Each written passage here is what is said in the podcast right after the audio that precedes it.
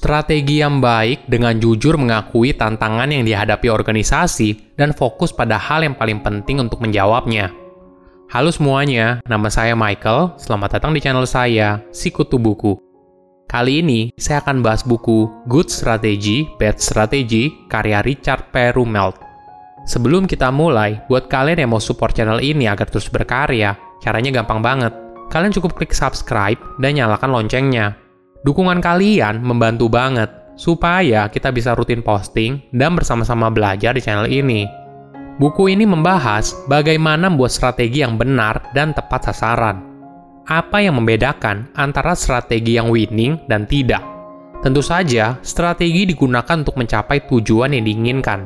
Tapi, walaupun tujuannya sama, hasilnya jauh berbeda.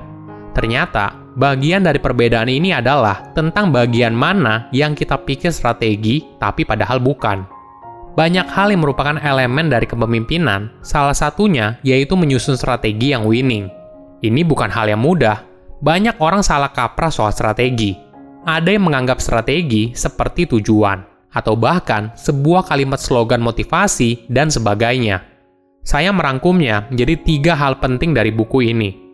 Pertama, apa itu strategi yang baik? Visi atau tujuan hanyalah ide yang berdiri sendiri. Namun, strategi adalah sekumpulan ide berbeda yang mencakup rencana untuk mencapai tujuan tersebut. Seringkali tujuan atau visi bisa menjadi titik awal yang sangat bagus untuk sebuah strategi.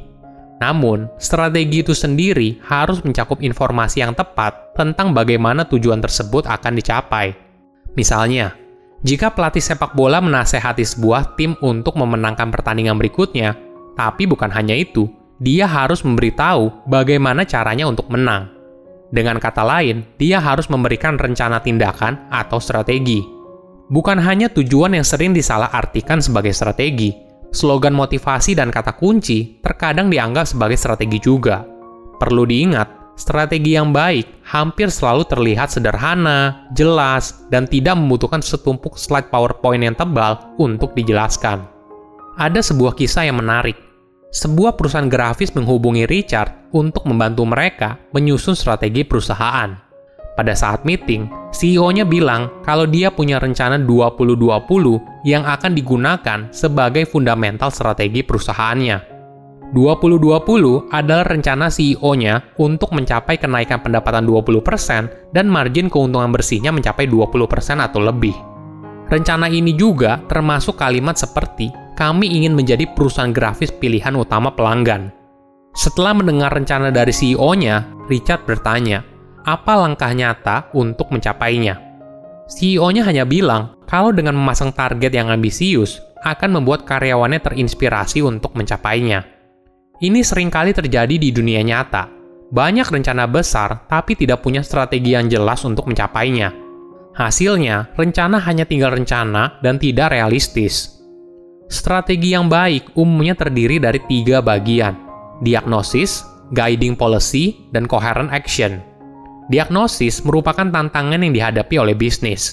Apa yang menahan kamu untuk mencapai sebuah tujuan? Diagnosis yang baik mampu menyederhanakan sesuatu yang rumit menjadi informasi yang mudah dimengerti. Selanjutnya, menyusun guiding policy. Ini adalah kebijakan panduan yang berisi pendekatan keseluruhan yang dipilih untuk mengatasi hambatan yang diidentifikasikan dalam diagnosis. Ibaratnya seperti pagar pembatas di jalan raya kebijakan panduan akan mengarahkan dan membatasi tindakan ke arah tertentu tanpa menjelaskan dengan tepat apa yang harus dilakukan. Ketiga adalah coherent action. Ini merupakan serangkaian tindakan yang menentukan bagaimana kebijakan panduan akan dilaksanakan. Strategi butuh aksi nyata, dan ini ibarat oksigen yang membuat semua hal menjadi kenyataan. Kedua, strategi baik akan memberimu keunggulan. Jadi, sekarang kamu sudah tahu cara menyusun strategi.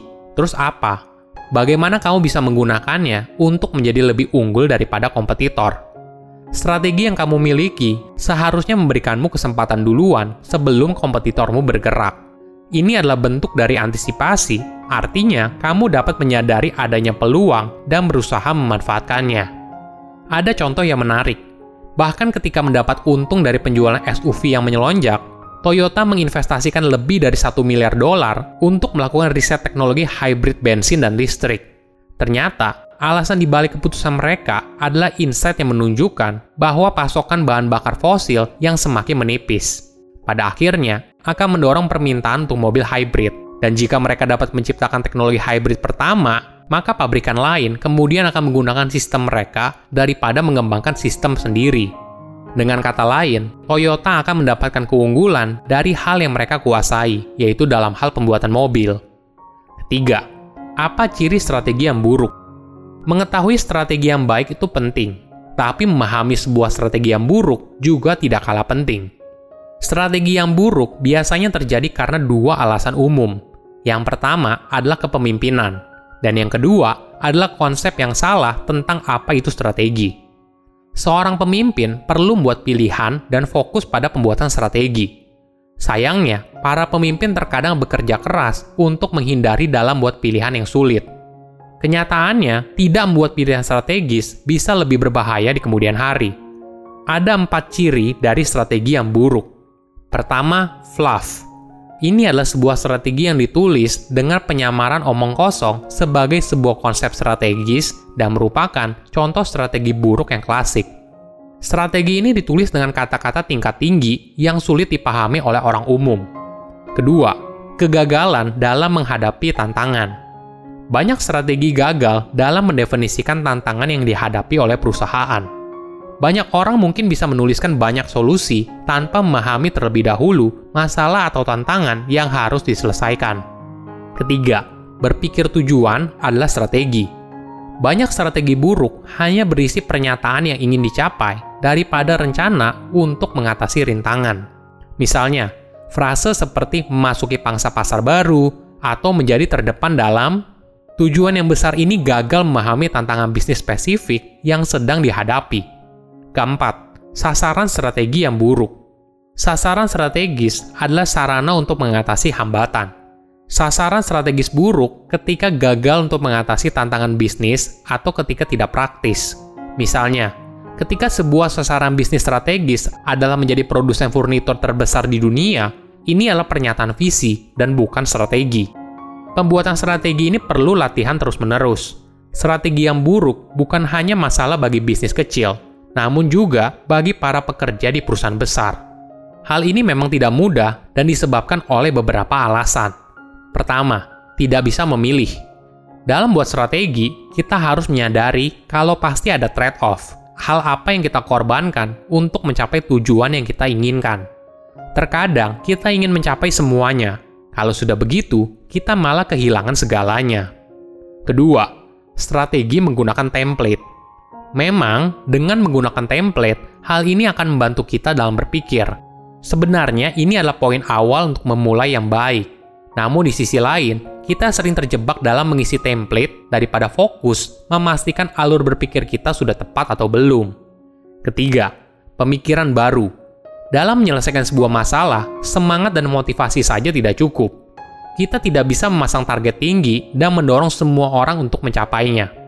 Hal ini hanya akan buat tim menjadi tertekan dan kelelahan, pendekatan yang disarankan adalah dengan mengevaluasi, belajar lagi, dan baru bisa memperbaiki untuk lebih baik di masa depan.